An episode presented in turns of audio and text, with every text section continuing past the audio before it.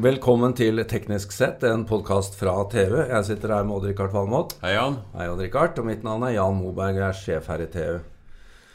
Odd-Rikard, nå skal vi snakke om noe du er opptatt av igjen. Igjen, ja. ja. Ja, ja. Det har blitt noen ganger i løpet av siste åra. Ja, det har det. Jeg gleder meg. Det blir jo flere, da. Det, blir, jo- det, ja, Men, det, det får vi Jeg vet ikke om vi skal håpe det, men Vi skal eh, snakke litt om uh, situasjonen i, i Nord-Korea.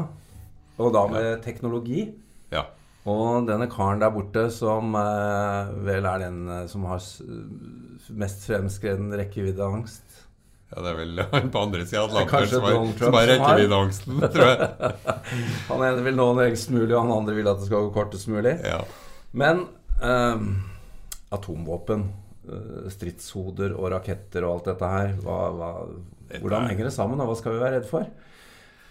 Nei, vi skal vel være redd for de kjernefysiske kreftene i fritt spill, tror jeg. Ja. Det er best å ha de der de bør være, nemlig kjernekraftverk.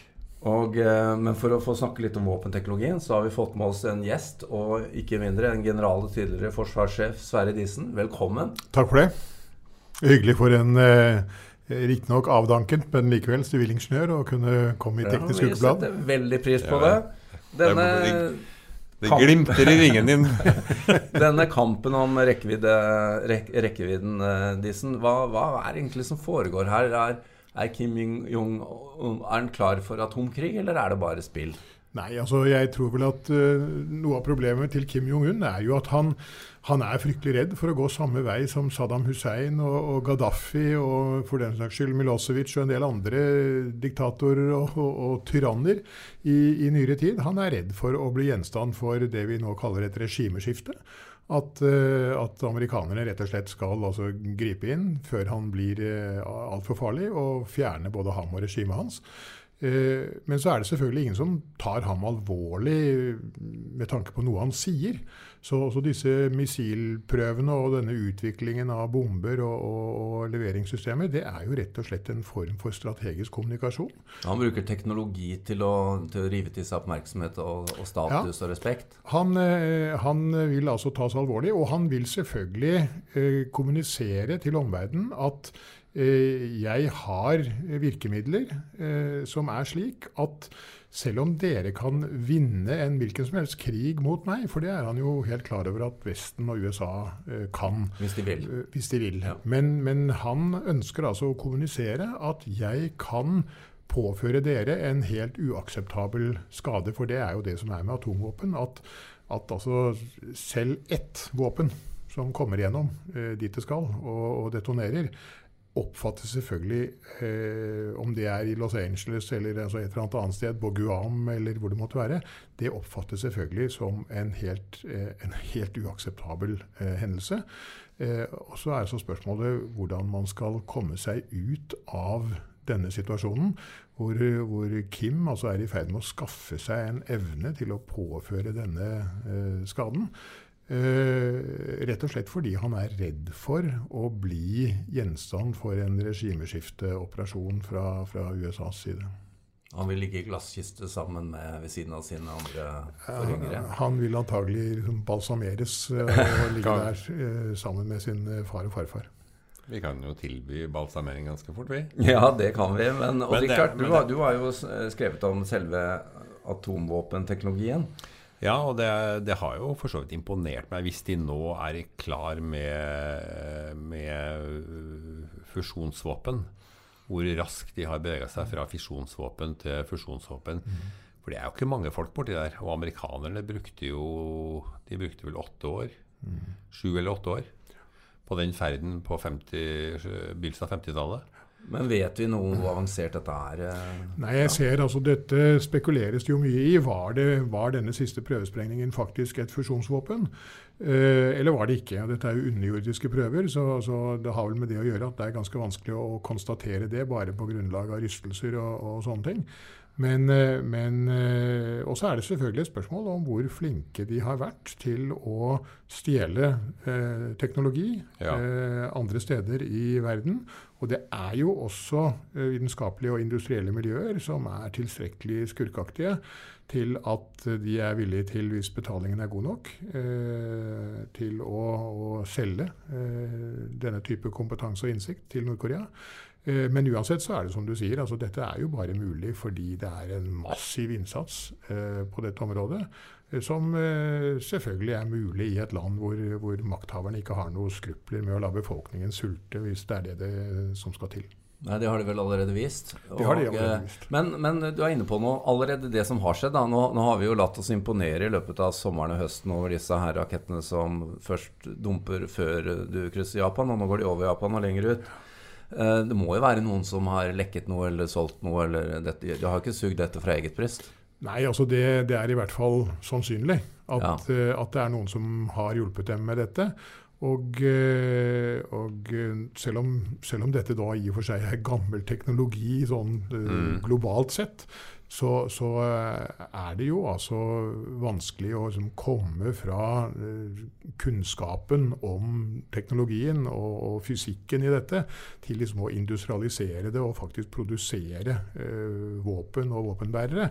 Så det virker umiddelbart sannsynlig at, eh, at de har kunnet skaffe seg kompetanse andre steder. Men det er vel sannsynlig at de nå kan nå Guam.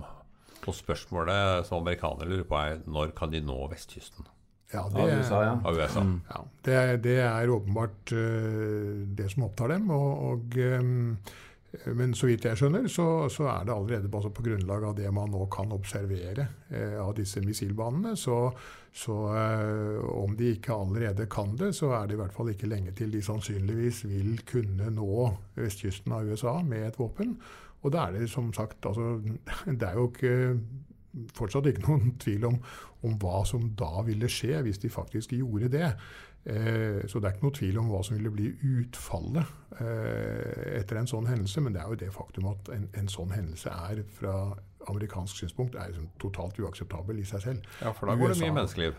Det gjør det selvfølgelig. Altså. Hvis de kan bære en H-bombe til eh, en Ja, av ja. de store byene Og, og selv en, mener, selv en, selv en, en fisjonsbombe ville altså være Vi skal huske at, at USA er jo altså eh, ikke bare vant til å være altså et, et kontinent som er beskyttet på begge sider nær sagt, av, av et verdenshav. ja. Eh, så amerikanerne har jo altså en, en forestilling om at eh, de er usårbare for, for den type eh, angrep.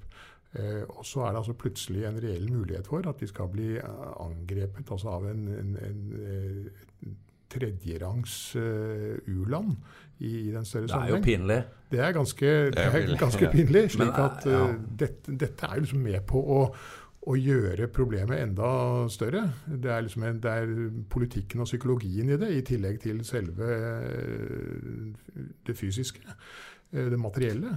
Eh, Og det er det som gjør at eh, Som sagt, det er altså Det er som det å knekke denne Kim-koden.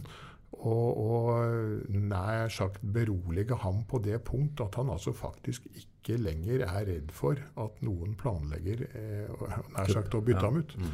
Eh, I hvert fall ikke utenfra. Eh, og da er selvfølgelig spørsmålet hvordan, hva slags strategi skulle man bruke for å overbevise ham om det. Eh, Trump har jo da valgt å, å true med den gjengjeldelsen som, som i og for seg ville følge. men- Fire and fury. Yes. Yes. Eh, Men det er også spørsmålet er om Det er ikke det er ikke valium, akkurat. Nei. Problemet er jo at, at før han griper til det, så har det altså sannsynligvis allerede skjedd noe. For han, han kan ikke gripe til det som et førsteslag. Altså, Nei. Trump kan ikke gå til et førsteslag mot Nord-Korea. Han er i så fall nødt til å vente til nordkoreanerne handler først. Men det er jo da i seg selv det som fremstår som uakseptabelt. Ja, jeg ser det. Men altså, det er jo, det må jo eh, Vi har jo hørt om eh, nedskyting av missiler. Er, hva er mulige teknologier for å ta disse før de eh, er på vei, eller før de lander, eller? Ja, altså det er jo, det er jo antimissilsystemer. Og, og, Vi har jo alle hørt om Star Wars og Star Wars og den Ja, type ting, da, ja. som, som i og for seg ikke ble noe av. Men det er jo også da eh, en egen avtale faktisk mellom Russland og USA om, om slike antimissiler. Og, og det å liksom eh, regulere eh, disse systemene, slik at ingen av dem da faktisk truer motpartens evne til å treffe den andre. Eh, ettersom det ville være destabiliserende, faktisk. spesiell avtale. En spesiell avtale. Men, men, men altså Nord-Korea er selvfølgelig ikke noen del av noe sånt eh, regime. Og da er jo spørsmålet om eh, det med den teknologien man har, er mulig å, å skyte ned eh, disse koreanske missilene. Det skal ikke jeg ha sagt altfor skråsikkert. Men, men igjen, altså hvis, hvis Nord-Korea først har denne kapasiteten, og avfyrer liksom et, et knippe med sånne missiler, eh, så er det altså nok at én kommer igjennom. Ja. Eh, så, så er det altså skjedd noe som, som er helt uakseptabelt fra amerikansk side. Men det, de jobbes vel både med missil, på missilsporet og på lasersporet, vil jeg tro. Og jeg vil jo tippe at forsvarsbudsjettet i USA har dreid seg litt i retning av eh, antirakettforsvar. Ja, altså der, eh, Hva det forskes på, det, det er en godt bevart hemmelighet, eh, vil jeg tro. Eh, Men, men det er klart at her er jo også noe av problemet at eh, amerikanerne kan altså ikke ta frem et hvilket som helst antimissilsystem uten at dette også påvirker eh, forholdet til andre atommakter, og, særlig Russland. da. Ja. Eh, For jeg kan jo ikke tenke meg at, at russerne vil liksom tillate amerikanerne å utvikle og deployere et hvilket som helst antimissilsystem. Eh, og tenke som så at ja, ja, men det er jo liksom mot Nord-Korea, så det behøver ikke vi bry oss om. Nei, det er jo Eh, specially made for ikke sant? Ja. Eh, så, så her er det liksom en, en rekke ting, vil jeg tro, som, som eh, bidrar til å komplisere dette bildet. Og, og da er det Ja, det viser vanskeligheten med å ha å gjøre med en så fullstendig uforutsigbar og etter våre begreper irrasjonell aktør som Kim Jong-un. Men, eh, men eh, Kina er jo den nærmeste stormakten til å kunne gjøre noe med det. Hvor avansert teknologisk er de, da? Skal vi, skal vi bare si at dette må vi løse selv, eller har de eh, teknologi til å fikse det? Det tør ikke jeg si, det er litt utenfor mitt område. Men, men eh, altså kinesernes eh, mest effektive maktmiddel i forhold til Nord-Korea, det er jo at eh, kineserne i realiteten kan stenge ned Nord-Korea. Økonomisk shutdown? økono ja. økonomisk. Eh, og og når, de ikke, når kineserne ikke gjør det, så er jo ikke det fordi de egentlig har noe sympati for Kim Jong-un, som de sannsynligvis de også mener er etter, etter våre begreper altså helt uberegnelig og, og en farlig fyr, for så vidt. Men det er jo frykten for hva som vil skje eh, hvis Nord-Korea liksom imploderer. Eh, vil det da, det er, og da er det to ting som, som skremmer kineserne. Det er altså tanken på millioner av flyktninger som strømmer over grensen til Kina i det øyeblikk det nordkoreanske systemet liksom bryter sammen. Og så er det selvfølgelig frykten for hva et gjenforent Korea som da nødvendigvis Ja. eh, vil havne i, i liksom den vestlige og amerikanske interessesfære. Eh, Hvordan vil det fortone seg hvis, hvis liksom man plutselig har eh, amerikanerne og, og sånn sett Vesten rett på den andre siden av Jarluelven? Ja, det blir en ny stormakt. så blir det altså plutselig en, en, en ny skal vi si, innertysk grense i Asia. Ehm, og det er antagelig med på å gjøre koreanerne, eller rettere sagt kineserne, meget skal vi si, forsiktige. Det er, det er jo eh, Det må jo være frustrerende at eh, til tross for denne fremdriften jeg har sett på disse missilene fra Nord-Korea, at det er gammel teknologi. Som da nå totalt dum... Altså, Når du tenker på hva amerikanerne og vestlige og sikkert kineserne sitter på av ny teknologi, så nytter det ikke. Nei, altså det er, jo, det er jo akkurat dette at den gamle teknologien er jo nettopp Hvis du er gæren nok, så er det greit. Altså Ja. det, er jo, det er jo det som vi har sett i andre sammenhenger, at altså selv en lastebil kan altså bli farlig. Ja. Eh, og, og da er det jo sånn sett eh, hvilken skade den kan eh, forårsake, eh, som er det avgjørende. Eh, og, og ikke om den er ny eller gammel. Ballistiske lastebiler kan også være ille. ille. Det blir en ny invensjon, Richard. Det gjør det. Men eh, det er én ting vi må avslutte med i den eh, konflikten, som også dreier seg om teknologi. Eh, jeg har skjønt det at en av de store truslene for mot å gripe inn, da, er jo, er jo våpensystemer som står rettet inn mot Seoul, som bare ligger da noen titalls kilometer sør. Selv det er jo ganske primitive ting, har jeg skjønt? Ja, men igjen, altså det er voldsomme mengder av det. Og det er klart at hvis man altså eh, fyrer løs da, med hele dette arsenalet av konvensjonelt rørartilleri, så, så vil nordkoreanerne kunne forårsake stor skade. Voldsomt med tap av menneskeliv. Eh, og igjen, altså vi er jo vant til å tenke på eh, artilleri som et støttevåpen for en, en krig på bakken. Eh, og jeg tror jo ikke at, at Kim Jong-un har noe ønske om å erobre Sør-Korea. Eh, så jeg, jeg, tror ikke at det er sånn at de vil da velte liksom, divisjon på divisjon med stridsvogner etter at man har liksom gjort en ildforberedelse eh, med, med, artilleri først. Men det er jo igjen altså, nettopp dette at han, han vil kunne påføre eh, Sør-Korea en, en, en, helt uakseptabel skade i form av materielle ødeleggelser og tap av menneskeliv. Eh, så det er egentlig en, en, den samme type eh, kommunikasjon, bare med et litt annet eh, kommunikasjonsmiddel. Men enda igjen da en litt, litt aldrende teknologi? Igjen en aldrende teknologi. og Ser man på dette materiellet som, som nordkoreanerne da er oppsatt med under øvelser og, og sånne ting, så, så, ser man jo at dette er jo ikke akkurat state of the art. Men, men altså ut fra den måten de bruker det på, og hva de er i stand til å gjøre med det, så, så er de altså allikevel i ferd med å, å kunne liksom eh, spille ved det aller største og viktigste bordet. Eh, rett og slett fordi de er i stand til å, å påføre omgivelsene en, en eh, skade som, som, man ikke kan ta sjansen på. Det er jo egentlig en skremmende utvikling når du ser at uh i fremtida vil vi kunne utvikle langt mer avanserte ting etter hvert som informasjonsflyt uh, går gjennom nettverkene, og at det, at det, blir billigere å utvikle teknologi.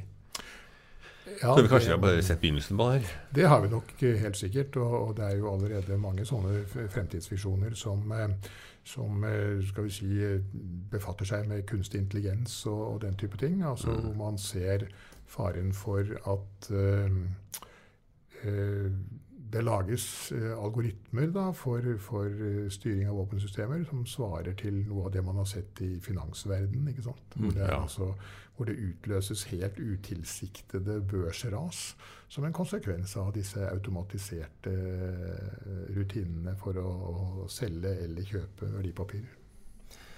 Veldig bra. Vi får følge utviklingen. Vi får bare konkludere med at her er det gammel teknologi som holder verden våken. Takk til deg, Sverre Disen. Selv takk.